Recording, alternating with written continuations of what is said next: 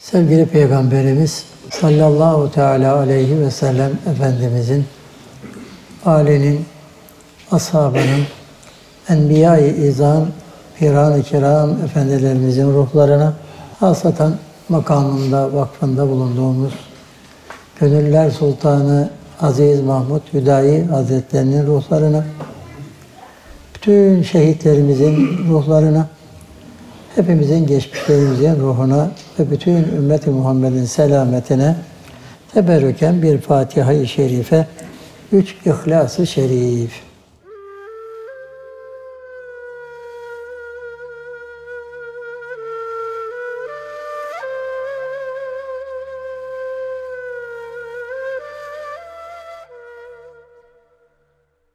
Euzu billahi mineşşeytanirracim. Bismillahirrahmanirrahim. Elhamdülillahi rabbil alamin. Ve salatu ve selamu ala Resulina Muhammedin ve ala alihi ve sahbihi ecmaîn. Allahumme veffikna lima tuhibbuhu ve tardah minel kavli vel fi'li vel amel. Hayırlı akşamlar kıymetli kardeşlerimiz. Bu akşam da inşallah sohbetimizde yine muhterem Osman Nuri Topbaş Efendi Üstadımızın Allah dostlarının kitabından bir bölümü inşallah sohbet mevzu olarak işlemiş olacağız.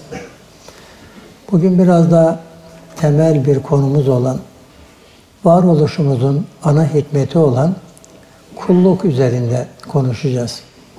Kulluk nasıl yapılmalı Cenab-ı Hakk'a?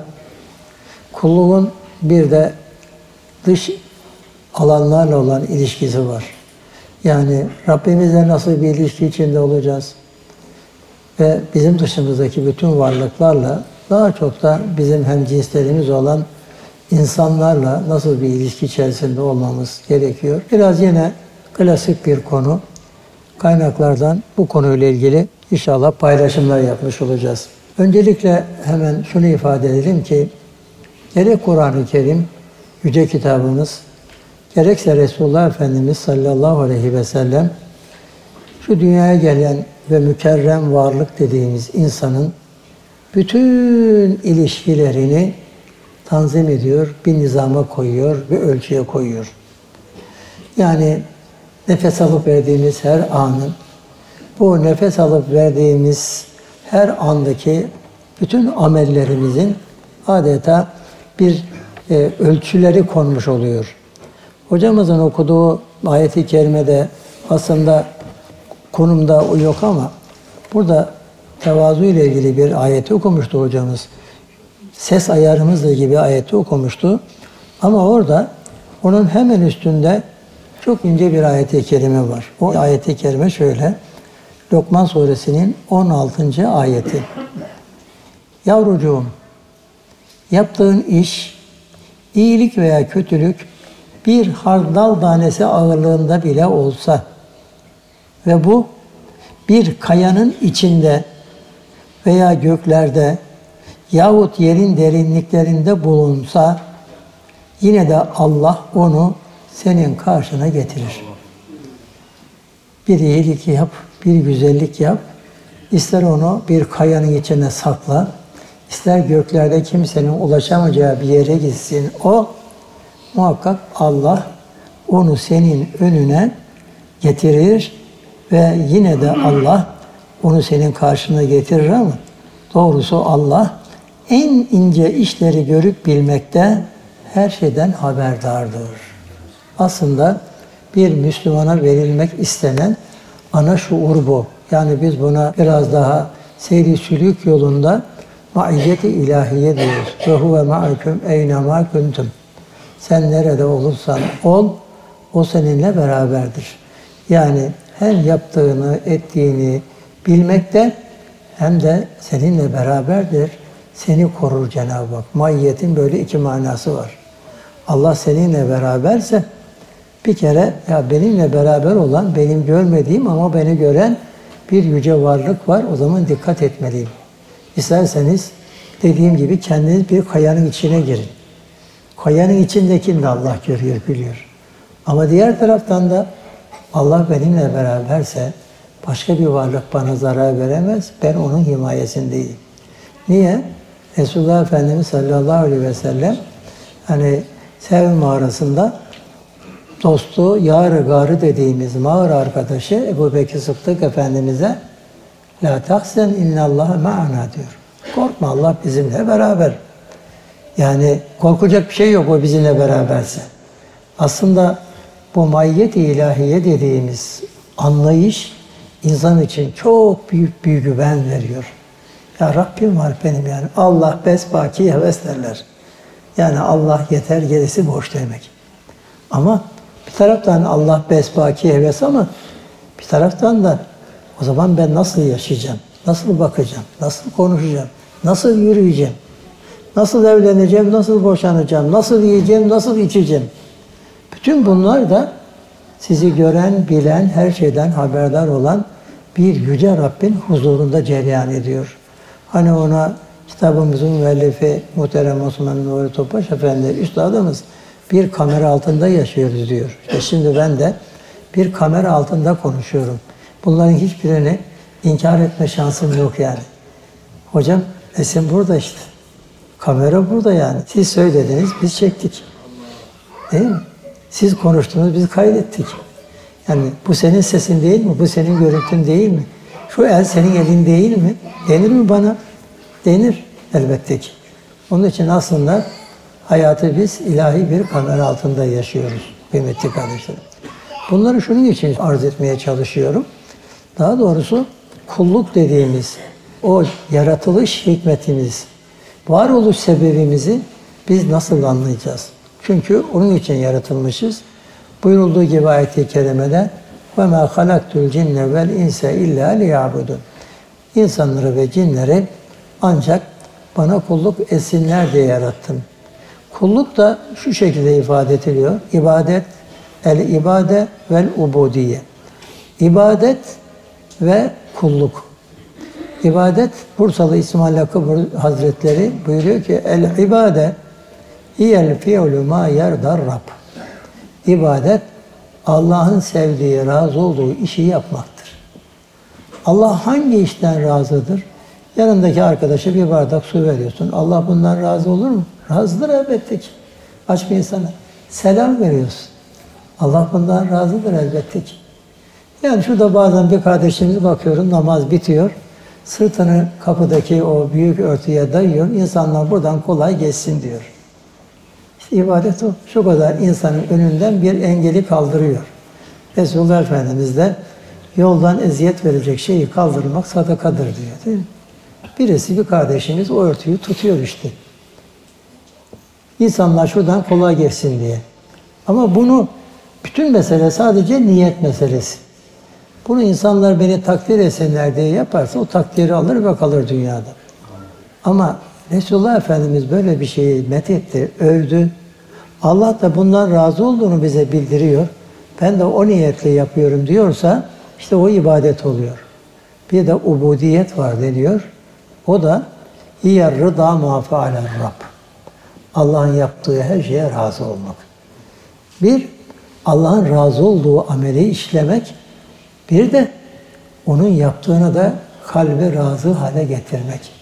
Kalpteki itirazı, neden, niçinleri atabilmek. O da ubudiyet oluyor. Onun için biz zaten bu kulluğumuzun bir zahiri ifadesi olarak da ne diyoruz? Her namazda İyyâke nâbudu ve İyyâke nesta'in. Ya Rabbi biz yalnız sana ibadet ederiz. Yani kulluğumuz yalnız sanadır. Başka hiçbir varlığa bizim kulluğumuz yoktur. İşte kıymetli kardeşlerim, bu kulluğun Allah Teala'nın razı olduğu şekilde yapılmasının ifadesi Cenab-ı Hakk'a tazimdir. Hatta din şöyle ifade ediliyor. Ed-din tazim li emrillah ve şefakatu li halkillah. Din Allah'ın bütün emirlerine önce kalbin saygısıdır. Tazimdir yani. Emrettiğin yapayım değil. Önce Allah'ın bütün emirleri kalbimizde büyük bir kabul görecek. Ondan mutlu olacağız. Namazı mı emrediyor Cenab-ı Hak? Mutluyum ya Rabbi. Benim için emrettin bunu. Kendin için değil, benim için emrettin. Orucu mu emrediyor? Sen müstahanesin ya Rabbi. Senin oruca ihtiyacı yok. Benim oruca ihtiyacım var ki sen bunu bana emretmişsin. Zekatımı emrediyor Cenab-ı Hak. Senin hazinelerin geniş ya Rabbi. Senin bir şeye ihtiyacın yok ki. Ama benim tezkiye ihtiyacım var demek. Malımı temizlemeye ihtiyacım var. Kendimin temizlenmeme ihtiyacım var. Onun için ya Rabbi ne kadar mutluyum senin bana namazı emretmenden, orucu emretmenden, tesettürü emretmenden, değil mi? Edebi hayayı emretmenden, infakı emretmen. Bunlar bana büyük mutluluk veriyor ya Rabbi önce. İşte bu tazimdir. Ve bu emirleri yaparken de başka hiçbir maksadı taşımamak, hiçbir başka dünyevi veya hatta uhrevi bir hesabı bile düşünmeden Cenab-ı Hakk'a muhabbetle ve onun şanını tazim ederek yapılması. İşte bu aslında bütün ibadetlerin kabul şartı. Bunun için de tabi insanın kendi iç dünyasındaki bir takım o sivriliklerin, yani elelerin, ben tabirlerinin, o ufak tefek kibir kırıntılarının böyle bir silinmesi ki ona bizim din dilimizde, Kur'an dilinde değil mi? tevazu deniyor. Yani insanın hiçliğe doğru inmesi, kendini adeta ilahi bir emanet olarak görmesi ve hiçbir mahluk karşısında kendine farklı bir konum biçmemesi. Onun için şöyle başlıyor muhterem üstadımızın Allah kendilerine hayırlı uzun ömür versin. E, yüksek bir kulluk edebi. Evet. Hakkı kulluk öncelikle yüksek bir şuur işidir. Yani kulluk sadece belirli fiilleri yerine getirmek değil. Aslında iç dünyadaki bir algıdır, bir telakkidir, bir şuur hadisesidir. İlahi kudret ve azamet karşısında hiçliğimizi idrak etmek, Hakkın dilemesiyle yokluktan varlığa çıktığımız gibi varlığımızı da şu andaki devam eden varlığımızı da onu lütfu ve keremiyle sürdürebildiğimiz şuuruna varmak ve her an, her nefeste ona muhtaç olduğumuzu bilmek kulluğumuzun özünü teşkil eder. Geçen de burada bulunamadığım bir haftada Afrika'daydık. Orada da onların güzel bir mescidi var maşallah. Çok güzel, nezih bir mescid yapmışlar. Oradaki e, okulumuzun adı da Medine Lisesi. Onlara uzun uzun Medine Lisesi'ni anlattım. Medine Lisesi size ne anlatır diye. Sonra bir ikinci bir sohbetimizde biraz daha böyle manevi hayatla ilgili bir sohbetimiz oldu. Hakikaten baktım tam karşımda böyle uzun bir mescit. Duvara hiç yazmışlar. Çok güzel bir hat. Sonra arkama baktım. Orada da Edep Yahu yazıyor. Dedim ki kıymetli gençler, siz aslında hayatın bütün felsefesini diyeyim yani, daha doğrusu bütün hikmetini şu iki duvara nakşetmişsiniz. Farkında mısınız bilmiyorum. Onun için bu mescide her girdiğinizde bir sağ duvarı okuyun, bir de sol duvarı okuyun ve bu iki kelimenin arasında olmaya bakın. Bir edebi, edep demek sadece hani belirli mahrem alanlarla ilgili değil.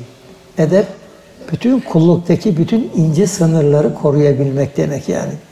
Namazın edebi var, zekatın edebi var, infakın edebi var, konuşmanın edebi var, dinlemenin edebi var.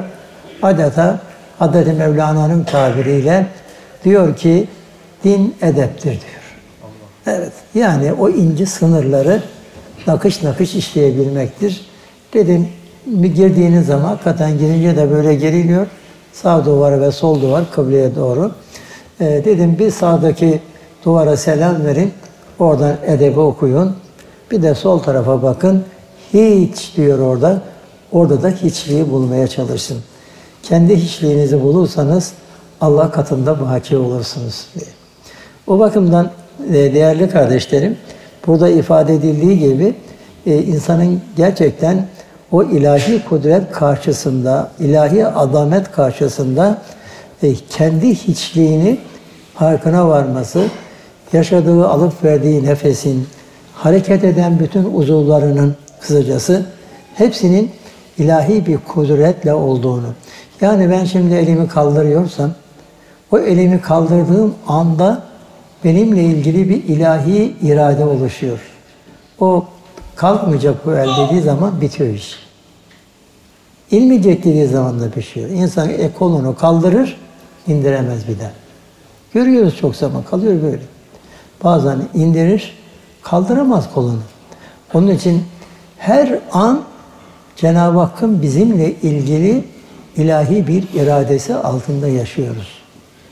İşte bunu idrak etmek kıymetli kardeşlerim e, kulluğun ilk maddesidir ki ona din dilinde tazimli emrillah ve şefakatu li halkillah deniyor. Allah'a tazim, bütün mahlukata da şefkat. İşte gönlün bu kıvama gelmesi, yani insanın Cenab-ı Hak karşısında devamlı bir tazim halinde olması. Hani ayeti kerimede buyuruluyor. اَلَّذ۪ينَ يَذْكُرُونَ اللّٰهَ قِيَامًا وَقُعُودًا وَعَلَى جُنُوبِهِمْ Onlar evet yerlerin, göklerin hikmeti hakkında derin derin düşünürler sonra derler ki Rabbena ma halakte hâzâ batila fekina azâbennar Ya Rabbi sen hiçbir şeyi boşa yaratmadın. Hiçbir şey manasız, anlamsız, hikmetsiz değil. Her şey ama her şey. Bazen biz belki tabiattaki bir takım şeyleri telef ediyorlar mesela. Ama sonra bakıyorsunuz denge bozuluyor orada yani. Çünkü hepsinin birbiriyle bir ilişkisi var. Yani farenin de ilişkisi var, kedinin de ilişkisi var. Sincapın da var, başka tavukların da var vesaire. Solucanların var. Yani kainatta öyle bir nizam var ki hepsinin kendine göre bir hikmeti, kendine göre bir vazifesi var yani. Faydasız, hikmetsiz, boş yere yaratılmış hiçbir varlık yok. Aslında kulluk da işte o kainattaki büyük dengenin farkına varmak, hiçbir şeyin boşa yaratılmadığını idrakiyle Sübhaneke diyebilmek. Sübhaneke fekina azabenler. Ya Rabbi seni bütün noksan sıfatlardan yani hikmetsiz, manasız haşa bir iş yapmaktan tenzih eder. Ederim. Bizi cehennem azabından koru. İşte o zaman da insan yürürken de, otururken de, ne bileyim yanı üzere de hep Cenab-ı Hak'la bir ilişki kuruyor. Yani illaki yatıkta ben Allah Allah diyeceğim değil. Yattığın zaman da sana yatma gücünü veren Cenab-ı Hakk'ı düşüneceksin. Şimdi bazen bir insan yatağına yatamıyor mesela. Oturamıyor. Oturamıyor yani. Tesbihini ayakta çekiyor. Oturamıyorum hocam diyor. bir manisi var oturamıyor. Halbuki oturmak ne güzel bir şey. Veya yatamıyorum diyor. Gece uyuyamıyorum hocam diyor. Bir ahbabımız vardı yıllar önce. Hiçbir gece uyuyamazdı. Hiçbir gece yani. Allah ona sanki gece uykusunu yasaklamış. İradesiyle değil. İradesi dışında yani. Akşamı gece sabaha kadar odanın içinde geziniyor, ediyor. Evradı ezker yapacaksa ayakta yapıyor. Yatağa yatamıyor hocam. Gündüz belki biraz uyuyor. Doktorlara gitti vesaire farklı şeyler. Efendim bu hayata alışacaksın dediler. Senin ne zaman böyle kurulmuş. Evet. Onun için ayet-i kerimede ve min ayatihi menamukum billeyl. Allah'ın kudretinin delil olan hususlardan birisi de geceleri uyuyabilmenizdir sizin diyor yani. Uyuyamazsak ne yapacağız? Onun için hepsi Cenab-ı Hak'tan. Öyle ilahi bir nizam. Hani şunun için dedim bunu. Yani yatarken Allah'a zikreder ne demek?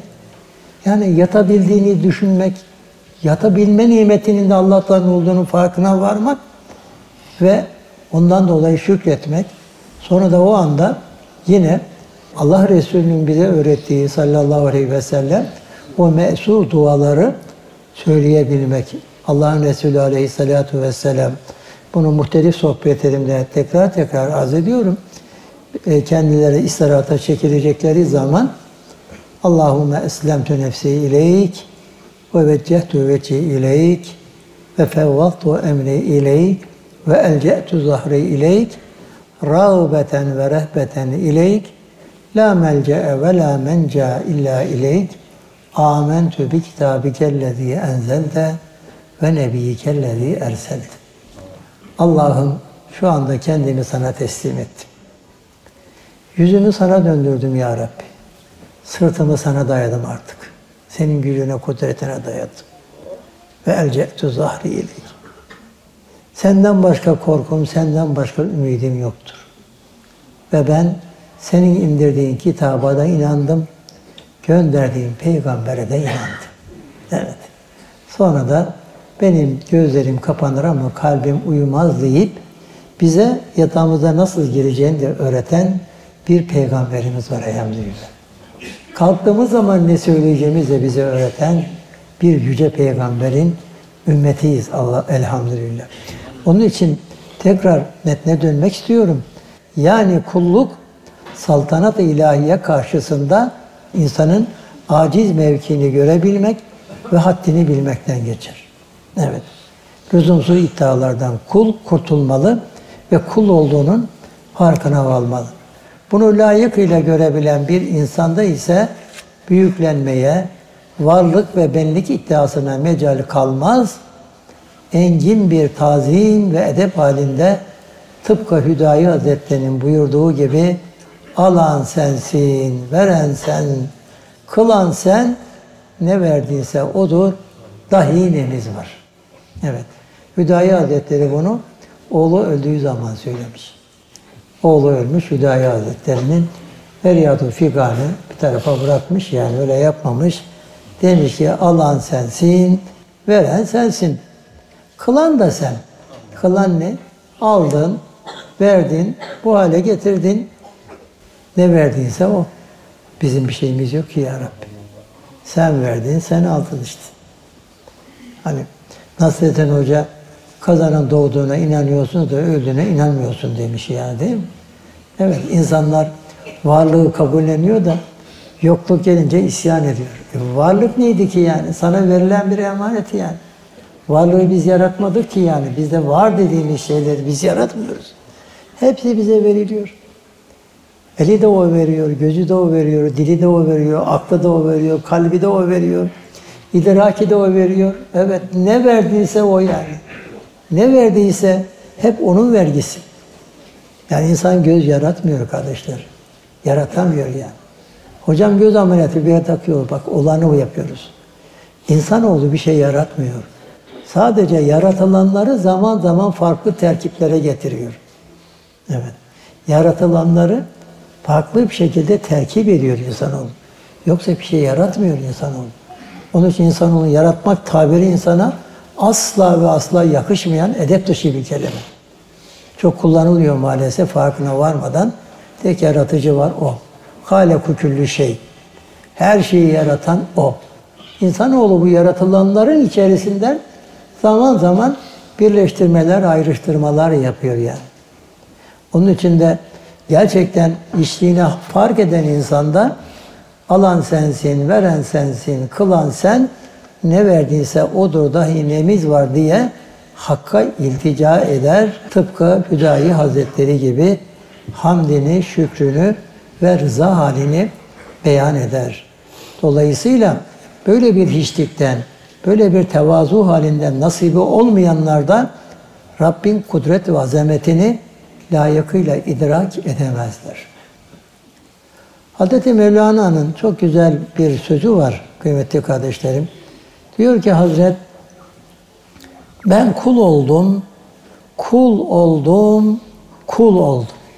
Evet, ben aciz kul, kulluğumu ifa edemediğimden utandım ve başımı önüme eğdim. Bir iddiam da yok yani. Namaz kılıyorum ben kulluğumu yerine getirdim. Böyle bir şey yok yani. Emri yerine getirdim. Kabulü ayrı bir mesele tabii. Dolayısıyla her köle azat edince sevinir. İlahi ben ise sana kul köle olduğun müddetçe kul köle olduğun için sevindim niyazında olduğu gibi hakiki bir tevazu, hiçlik hali kulu ilahi azamet karşısında hiçlik ve yokluğunu itiraf ile boyun eğmeye sevk eder.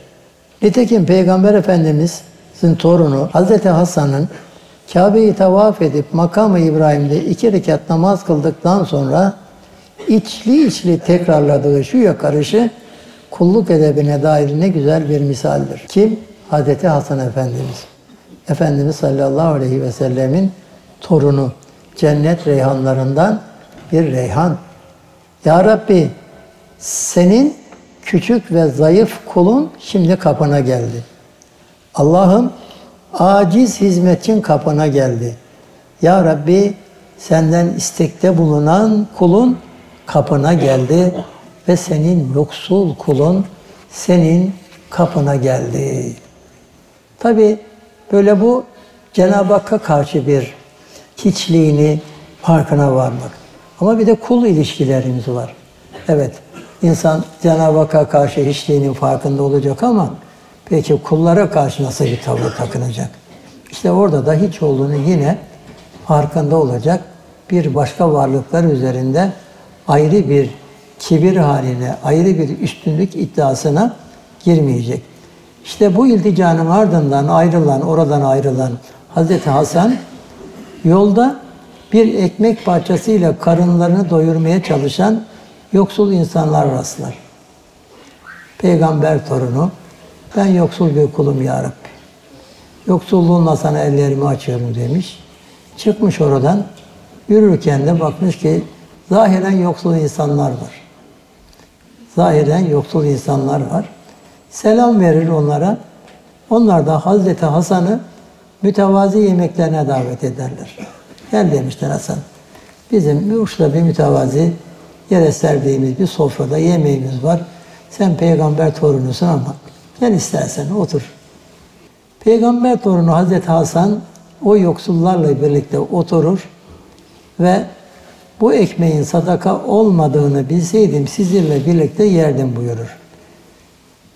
Çünkü herhalde onlar yoksul olduğu için sadaka olarak verilmiş. Ben oturdum aslında ama bu muhtemelen büyük bir ihtimalle bu size verilen sadakadır. Sadaka da bize e, ehli beyte helal olmadığı için kusura kalmayın. Yoksa ben sizlerle oturmaktan mutlu olurum. E peki oturmadı ne yapacağız o zaman? Hadi kalkın gelin siz bizim eve gidelim demiş. Evet. Hadi kalkın bizim eve gidelim der. O yoksulların karnını güzelce doyurduktan sonra onlara elbiseler de giydirir. Ceplerine de bir miktar para koyup hepsini uğurlar.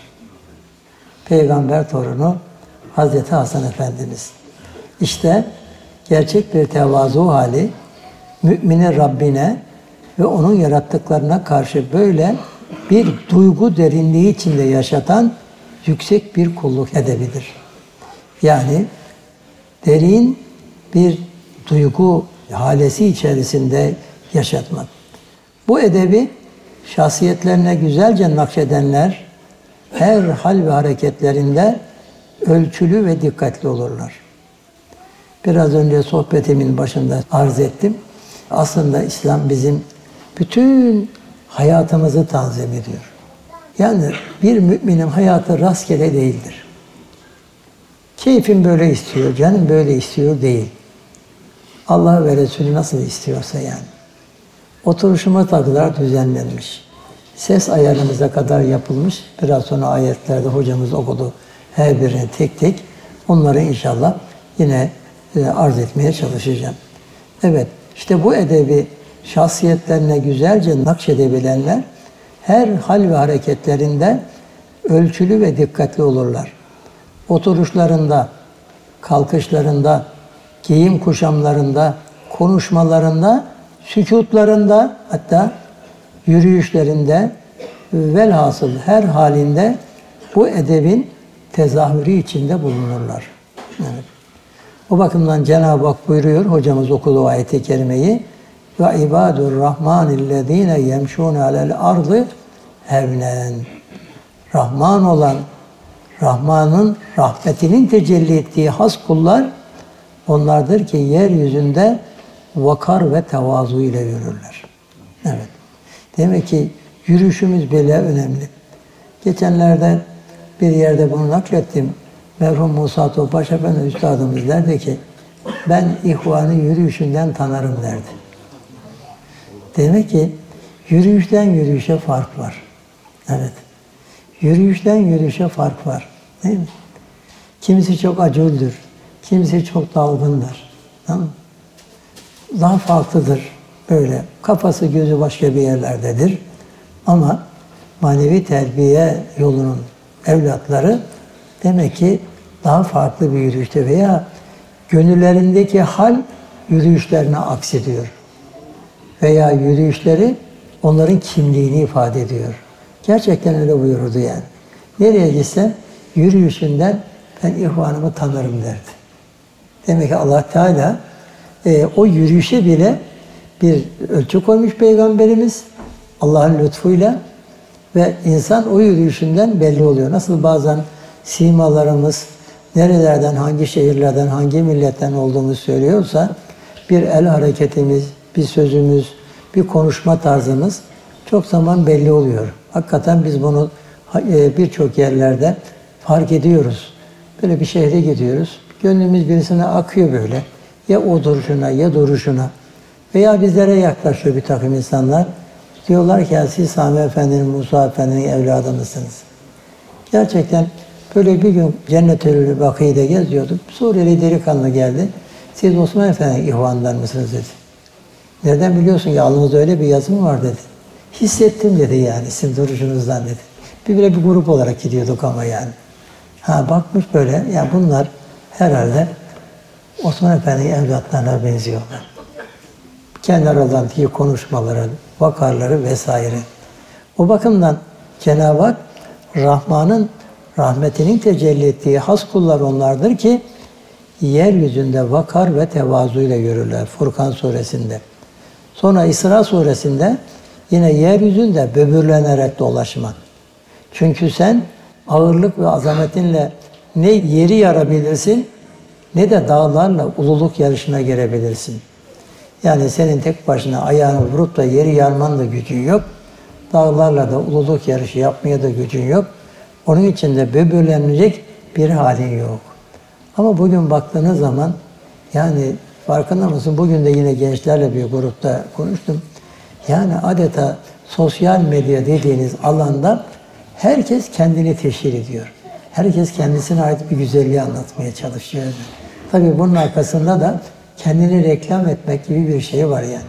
Hani bir sohbeti anlatmak, belki bir sohbetten nakil yapmak öyle değil ama yediğini, içtiğini, gezdiğini, evin arabasını, evinin resmini yani bizim geleneğimizde böyle bir reklamcılık yok yani.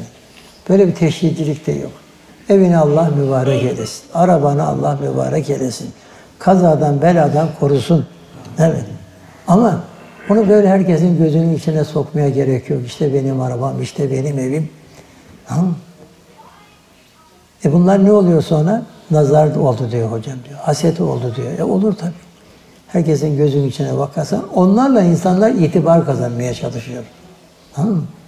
Arabasını teşhir ederek, evini teşhir ederek, yediği yemeği teşhir ederek, giydiği elbiseyi teşhir ederek onlarla ayrı bir itibar kazanmaya. Yani dünyasını anlatarak insanlar dünyada bir itibar kazanmaya çalışıyor. Tabii bunun altında da farkında olmadan gurura, kibire doğru açılan bir kapı var. O bakımdan kıymetli kardeşlerim, maşallah zaman zaman söylerim. Yani bunu gerçekten bir mücamele olarak söylemiyorum. Benim olduğum yerden çok güzel görünüyorsunuz. Gerçekten kıymetli kardeşlerim. Bazen diyorum ki şöyle oturunca hiçbir şey konuşmasak da şöyle sükut halinde hatta kimsenin gözüne bile bakmadan yarım saat şurada sessizce otursak, kalplerimiz ısınsa, böyle buradaki manevi hava kalplerimizi böyle kaneviçe gibi nakış nakış işlese, sonra selamünaleyküm deyip gitsek de insanın içinden geliyor. Ama hakikaten bu manevi nimetin farkında olmak, ona göre de bir kişilik inşa etmek çok çok önemli. Yani Allah dostları hep Resulullah sallallahu aleyhi ve selleme kendilerine ayna ediyorlar. Yani burada Sami Efendi, Musa Efendi, Aziz Mahmut Hüdayi, Abdülkadir Geylani, Şah-ı Nakşibend kendi yaşadıkları zamanlarda insanlara bir şeyler naklediyorlarsa hep o nebevi kaynaktan bir şeyler getiriyorlar yani. Hep oradan bir şeyler söylemeye çalışıyorlar. Her Allah dostu mürşitler, el ele tutuştukları insanlar hep Resulullah'ın kapısına götürmeye çalışıyor sallallahu aleyhi ve sellem. Cenab-ı Hakk'ın rızasına taşımaya çalışıyor. Hiçbir Allah dostu kendisi için özel bir şey istemiyor yani. Ya el ele tutuşalım da diyor. Ahirette Resulullah'ın huzuruna Kevser'e beraber gidelim. Ama bunun için diyor şunlara uyalım işte. Ve tevasav bil hak. Birbirlerine onlar hakkı tavsiye eder fehvasınca birbirimize güzelliği tavsiye edelim. Böyle bir duygu içinde söyleniyor.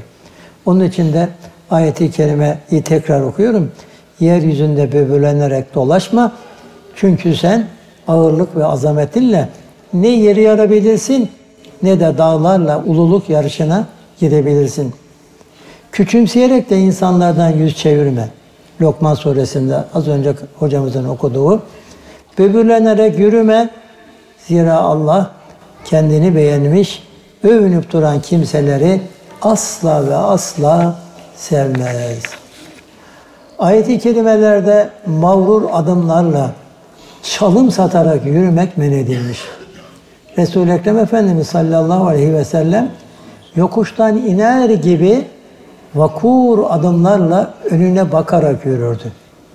Ve onun mütevazi hali de bütün insanlık için bir numunedir. Nitekim bu ahlak-ı hamide hak dostlarının da şiarı olmuş, tasavvufta nazar berkadem tabiriyle mühim bir düstur haline gelmiştir. Özellikle Abdülhalik Gülcevani Hazretleri'nin 11 esası vardır. Onlardan birisi nazar berkadem. Ne demek? İnsanın gözü ayağında olacak. Bunun birçok hikmeti var. İnsan önüne ne kadar bakarsa dış resimler o kadar içeri girmeyecektir. Çünkü Muhammed Parisi Hazretleri'nin çok güzel bir sözü vardır ki bugün tam bu problemi yaşıyoruz işte. Allah ile kul arasındaki perde dış nakışların kalbi tamamen kaplamasıdır. Ne kadar lüzumsuz dış nakış kalbe girdiyse Allah ile kul arasında perde olarak kalır. Onun için de dış nakışlar dediğimiz dış şekiller, dış suretler, dış bilgiler ihtiyacımız kadar bize olmalı. Ama şimdi gerçekten dünyada ne var ne yok bizi ilgilendiren, ilgilendirmeyen her şey bizim önümüze geliyor. İşte sosyal medyadan geliyor, telefonlardan geliyor, televizyondan geliyor. Sonra sokaklarda gezerken bizden, bizatihi kendi gözlemlerimizden geliyor. O bakımdan da Seydi Sülük'te özellikle önüne bakarak yürümeni tavsiye etmişler. Bunun birçok izahları da var. Yani nazar ber kadem, yani önüne bak, dış nakışlardan kurtul. Hatta insan önüne bakmazsa bir latife yapayım. Bazen buradan giderken de bak şuradaki setten bile düşebiliyor. Hadi akşama kadar yorulmuşsunuzdur. Ben geçenlerde burada size bir Gönenli menkıbesi anlatmıştım. Gönenli'den bir menkıbe daha anlatayım. Gönenli hocamız bir gün karşıda Aksaray'da bir büyük cami var yine Valide Sultan Camii galiba Aksaray'da. Tam o merkezde yani. ismini hatırlayamadım. Efendim Pertemle Sultan Camii. Herhalde orada bir camide vaaz ediyormuş Hoca Efendi. Tabii geçmişte hocaların işi çok zordu yani. Böyle konuşurken bir sürü onları kısıtlayıcı maddeler vardı. Herhalde biraz Zülfiyar'a dokunmuş ki hanımefendinin birisi kalkmış, hocam ne biçim konuşuyorsun demiş. Ben demiş şimdi gidip demiş seni o şeyi şikayet edeceğim savcılığa. Hoca efendi gayet sakin. Et kızım demiş nereye dersen et. Benim de şikayet edeceğim yer var demiş. Paldır küldür kalmış kadıncağız böyle. O öfkeyle önüne de bakmadığı için o da set varmış caminin ortasında böyle bir seksen uzanmış. Hoca efendi kürsüden bak kızım demiş hangimizin şikayet daha çabuk tuttu demiş. Yani onun için hani böyle sohbette böyle menkıbe olur mu diyeceksiniz ama bir vaka olduğu için işin birçok hikmeti var yani. Birçok hikmeti var. İnsan hakikaten önünü gör derler bizim şeyimizde de değil mi? Aslında hayatta dikkatli yürümek gerekiyor. Bunun çok önemli unsurlarından birisi de işte o nazar berkadem dediğimiz insan önüne bakarak yürürse daha mahvi, daha mütevazi yürümüş olur. Tasavvuf erbabı için bu çok çok önemlidir. Hele hele bugün böyle gözümüz sağa sola daldığımızda yani sokakta giderken bile dışarı bakıyorsunuz. Hiç de hoşlanmayacak işte e, billboardlardaki bir reklamı görüyorsunuz. Sonra da söylenmeye başlıyorsunuz yani. Faydası yok çünkü. Sizin o kaldıracak gücünüz yok. Koymuşlar oraya. En güzeli biz gözümüzü koruyalım. evet. Biz gözümüzü korumaya bakalım yani. Bazen işte sokakta gördüğünüz bakılması hoş olmayan başka türlü manzaralar sizi rahatsız ediyor. E, biz bunları hemen kaldırma gücümüz olmadığına göre biz kendimiz gözümüzü korumaya, dilimizi korumaya, kulağımızı korumaya gayret etmek lazım. Onun için yürürken ayak uçlarına bakmakta tevazu, edep, haddini bilmek, gözü haramdan korumak, Allah ve Resulünün emirlerine bağlılık gibi faziletler vardır. İnsan ne kadar önüne bakarsa hem mütevaziliğini ifade etmiş olur, hem edepli bir yürüyüş olur, hem de gözünü haramlardan korur. Bir de Allah ve Resulünün emirlerine bağlılık ifade etmiş olur. Bu bakımdan e, gerçekten insanın işte o daha alçak gönüllü dediğimiz iş dünyasında kullarla kavga etmeyen, her şeyi böyle içinde hazmetmiş, insanları biraz olduğu gibi kabul eden ama kendi iş dünyasında mahvi bir hayat yaşayan insanlar gerçekten Resulullah Efendimizin övdüğü, Allah dostlarının methü sena ettiği, kıpta ettiği bir güzelliktir. Hz. Mevlana böyle bir hususta şöyle buyuruyor. Allah buyurdu ki diyor, Ey insan dikkatle bak da gör. Senin topraktan yaratılmış bedenine ruhumdan bir tohum ektim. Seni yücelttim. Sen bu toprağın bir tozu iken seni üstün bir varlık yaptım. Sana akıl verdim, aşk verdim. Sen bir hamle de yap da topraklığı yani tevazuyu kendine sıfat ve huy edin. Madem ki topraktan geldin, toprak gibi ol. Ben de seni bütün yaratıklarımın üstüne emir kılayım. Sen kendin topraktan gelmişsin, toprak gibi ol da ben de seni gerçekten bütün yaratılanlarıma bir emir yapayım diyor.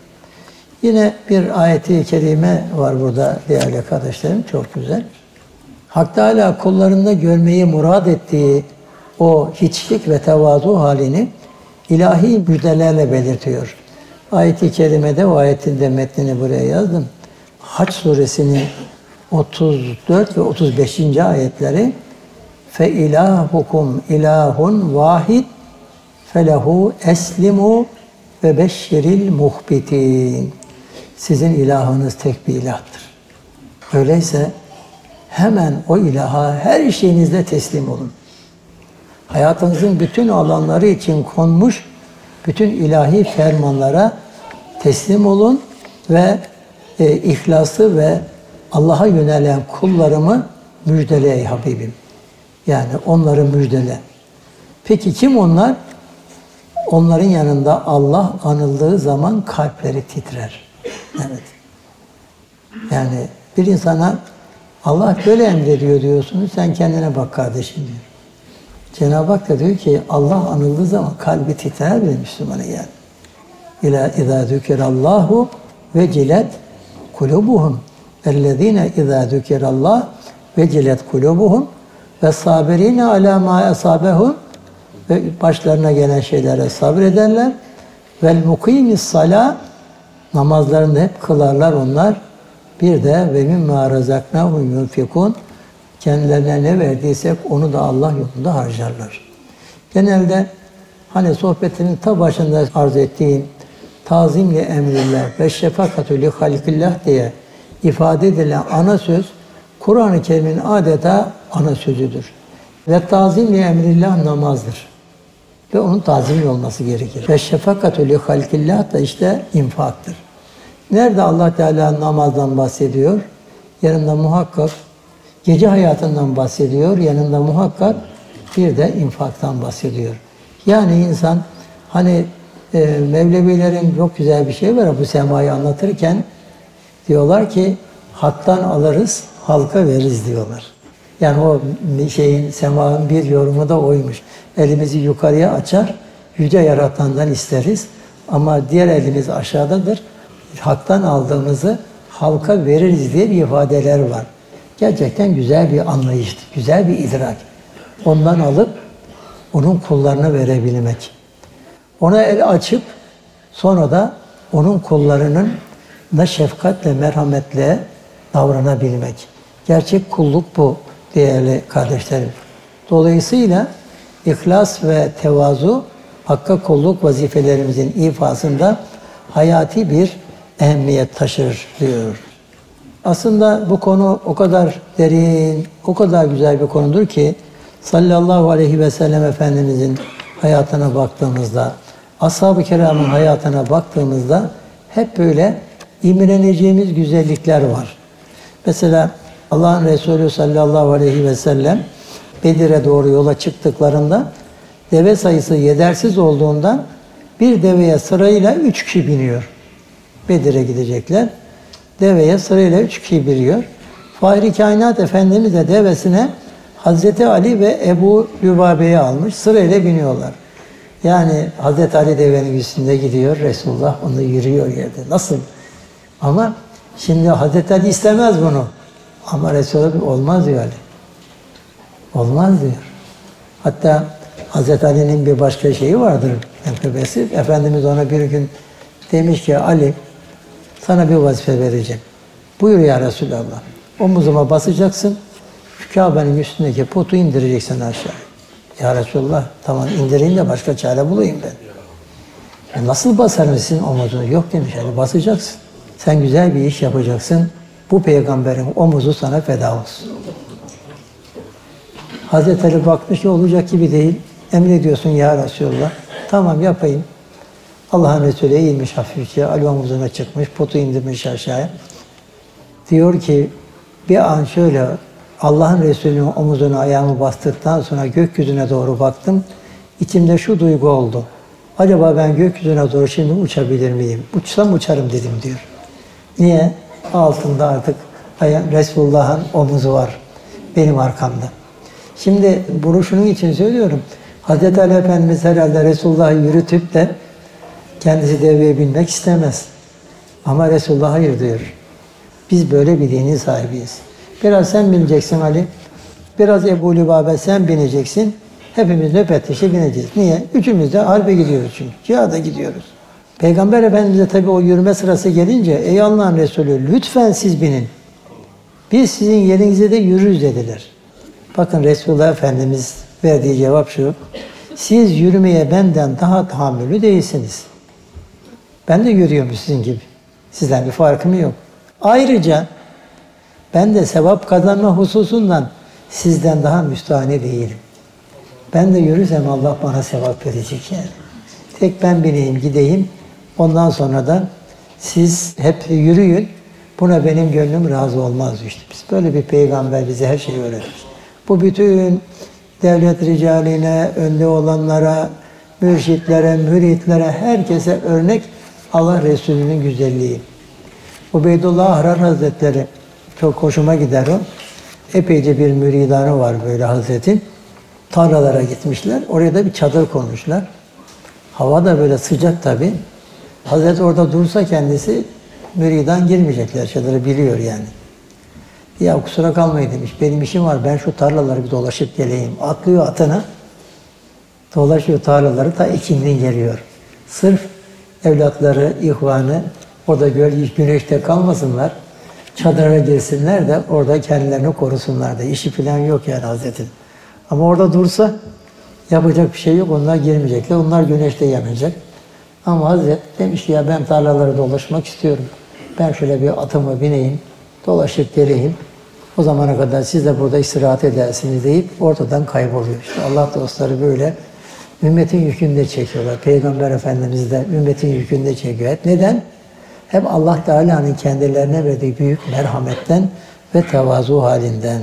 Tabi burada çok önemli Efendimizin bir vefası da var yine değerli kardeşlerim. Bundan bitireyim. Mekke fethinde Ebu Bekir Efendimizin babası Müslüman olmuş ve Resul, Ebu Bekir Efendimiz gel demiş Resulullah gidelim. Çok ibretli geliyor bana. Ebu Bekir Efendimiz'i ilk Müslüman. Mekke'de 13 sene Allah Resulü'nün etrafında duruyor. Hicret ediyor. Bedir oluyor, Uhud oluyor. Hatta o savaşlara da geliyor ama baba hala Müslüman olamıyor. Ebu Bekir Efendimiz'in babası yani. Ta Mekke fethi günü ben de artık Müslüman oluyorum demiş yani. Ebu Kuhafe Hazretleri. Ebu Bekir Efendimiz de Demiş ki ya babacığım tamam elhamdülillah ne güzel. 22 sene sonra da olsa İslam'la buluştun ya. Gel bir Resulullah Efendimiz'e gidelim. Almış onu Resulullah Efendimiz'e götürmüş. Tabi yaşça Resulullah Efendimiz'den büyük değil mi? Resulullah Efendimiz buyuruyor ki Ebu Bekir diyor. Şu ihtiyar babanı neden buraya kadar yordun ki? Biz onun yanına gidemez miydik diyor yani. Evet. Biz onun yanına gidemez miydik? İşte bu Allah Resulü'nün bizim gönül dünyamızda inşa etmek istediği güzelliktir kıymetli kardeşlerim. Onun için elhamdülillah bu manevi yollarda eğitim alan kardeşlerimiz hem zahiri ibadetlerini en güzel şekilde yapmaya hem de bu kalbi kıvamı, bu ahlak-ı hamideyi kazanmaya gayret etmeliyiz hep beraber. Ama işin bir de farklı yönü var.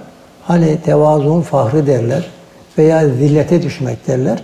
Öyle bir durumda asla düşmemek gerekiyor. Kibre varmayan bir izzet, zillete varmayan bir tevazu diye söyleniyor. Yani her şeyin kendi itidali var. İtidali var. Her şeyi kendi yerinde güzel kullanmak gerekiyor.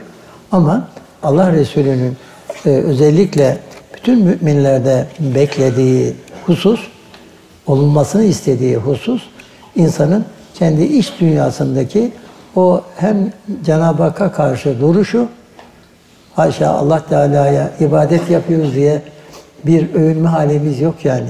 Kur'an-ı Kerim'de bu hal şöyle ifade ediliyor. يَمُنُّونَ عَلَيْكَ en eslemu قُلْ لَا تَمُنُّ عَلَيَّ إِسْلَامَكُمْ Belillahu yemunnu aleyküm en hedâküm lil iman. Yani onlar İslam olduk, biz Müslümanlığa girdik diye Habibim sana tafır atmaya çalışıyorlar tabirинdeyiz. Sana minnet ediyorlar. Ya işte biz de Müslüman olduk da İslam kuvvetlendi. Yok kardeşim yani. Tam tersine Allah sizi İslam'la buluşturduğu için Allah size ikramda bulundu. Yani kimse İslam'a bir şey katmıyor. İslam'la buluştuğu için kendisine bir şey katıyor. Onun için e, bu da çok önemli bir şey yani. Çok çok önemli bir algı, çok önemli bir ruh hali. O bakımdan e, değerli kardeşlerim, e, gerçekten Cenab-ı Hakk'a karşı o mahviyet içerisinde olmak ama haşa bununla da ne ibadetimizle ne bunun gibi başka türlü bir halimizde de Allah Teala'ya karşı bir iddiada bulunmak hakkımız ve haddimiz yok kulluğumuzun farkında olarak bir mahviyet içerisinde gönlümüzü ve ellerimizi hep Yüce Rabbe açarak onun bize nasıl ikramda bulunduğunu sık sık tekrarlayarak ve emma bi nimete rabbike fehaddis. Allah'ın sana olan nimetlerini çok çok an. Ya Rabbi el verdin, göz verdin, dil verdin, ev verdin, bark verdin, çocuk verdin, beş verdin neyse neler verdiyse bize Rabbimiz Hani onların hepsini bol bol yad etmek ve gerçekten Allah'ım sen var ettin, sen verdin diyerek kendi gönül dünyamızı derinleştirmek bu manevi yolun çok önemli bir dersidir ve hedefidir.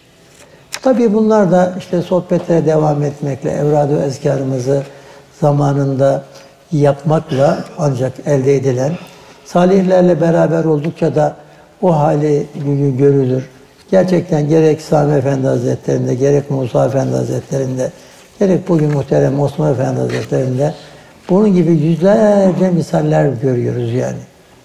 Yani Allah neyi ikram ettiyse o gün o güzeldir diye. Bakıyorsun bir gün diyelim ki Allah rahmet eylesin Musa Efendi'nin bir şey paylaşmak isterim. Belki daha evvel de paylaştım mı bilmiyorum ama şöyle Anadolu'da bir yere gitmiştik yıllar önce. Çok mütevazi bir yer sofrasıydı. Hatta belki yemekler de hani bizler biraz daha hani zahiren güya e, hani daha koruyucu pozisyonunda zannediyoruz kendimizi. Öyle değil tabii. Onlar farklı bakıyorlar. Ben acaba bu yemekler bugün biraz Hazretin şeyine dokunur mu? Alışık değiller bu yemeklere falan derken muhtemel ki biraz yüzümü farklı gördü. Dedi ki ya ne kadar güzel yemekler yapmışsınız dedi. Allah razı olsun elinize sağlık dedi. Onları derken ben böyle bir Sultantepe'de denizden hazırız köşkü düşünüyordum. Bir de Anadolu'nun bu köyündeki hakikaten bir köy gibi bir yerdi. Yer sofrasında iki dizini bükmüş, göz başı önünde Allah'ın verdiği nimetlere karşı büyük bir şükür duygusunda içinde olan Allah dostunu düşünüyordum. Yani bir böyle bakıyorum, bir böyle bakıyorum. Ya dün diyorum bu insan Sultantepe'de belki beyaz bir örtüde bir masada hizmetçilerinin getirdiği farklı yemekleri yiyordu. Ama bugün diyorum burada da ne güzel yer sofrasında oturmuş bizle beraber aynı şeye e, kaba kaşığını sallıyor. Ama diyorum durumunda hiçbir değişiklik yok. Yani dün niye böyleydi, bugün niye böyle değil? Burada ne arıyordu peki diyorum ya burada da bir insan Allah desin diye yerlere oturdu işte bu insan. Buraya bir şey satmaya gelmedi yani. Onun için Allah dostlarında hep bu var. Daha belki sık sık tekrarladığım Ahmet er Rufai'den bir sözle sohbeti bitirmiş olayım. Buyuruyorlar ki üç kimse asla veli olamaz. Bir kibirliler, bir cimriler, bir de ahmaklar. Dolayısıyla bütün Allah dostlarının ortak üç özelliği vardır. Allah dostu dediğimiz, el ele tutuştuğumuz güzel insanların üç ortak özelliği birisi fevkalade mütevazidirler. İkincisi fevkalade cömert insanlardır. Neler varsa verirler. Üçüncüsü de peygamber varisi olmaları hasebiyle daima zekaları üst seviyededir. Feraset sahibidirler, fetane sahibidirler Allah dostları. Öyle işlerinde ne yaptığını bilmeyen, nerede ne yapacağını bilmeyen bir insan olmaz Allah dostları. Olursa zaten Allah dost olamaz. Cenab-ı Hak da bize bütün bu vasıfları yani hiçliğimizi idrak etmeyi, tevazu halinde yaşamayı, kibir denen insanı Allah'ın rahmetinden uzaklaştırıp gadabına düşüren o benliklerden, iddialardan kurtulmayı, ellerini hem Cenab-ı Hakk'a açmayı hem de kullarına açmaya bizleri muvaffak eylesin Yüce Rabbimiz. Geceniz mübarek olsun. Rabbim hepinize sıhhat, afiyet versin.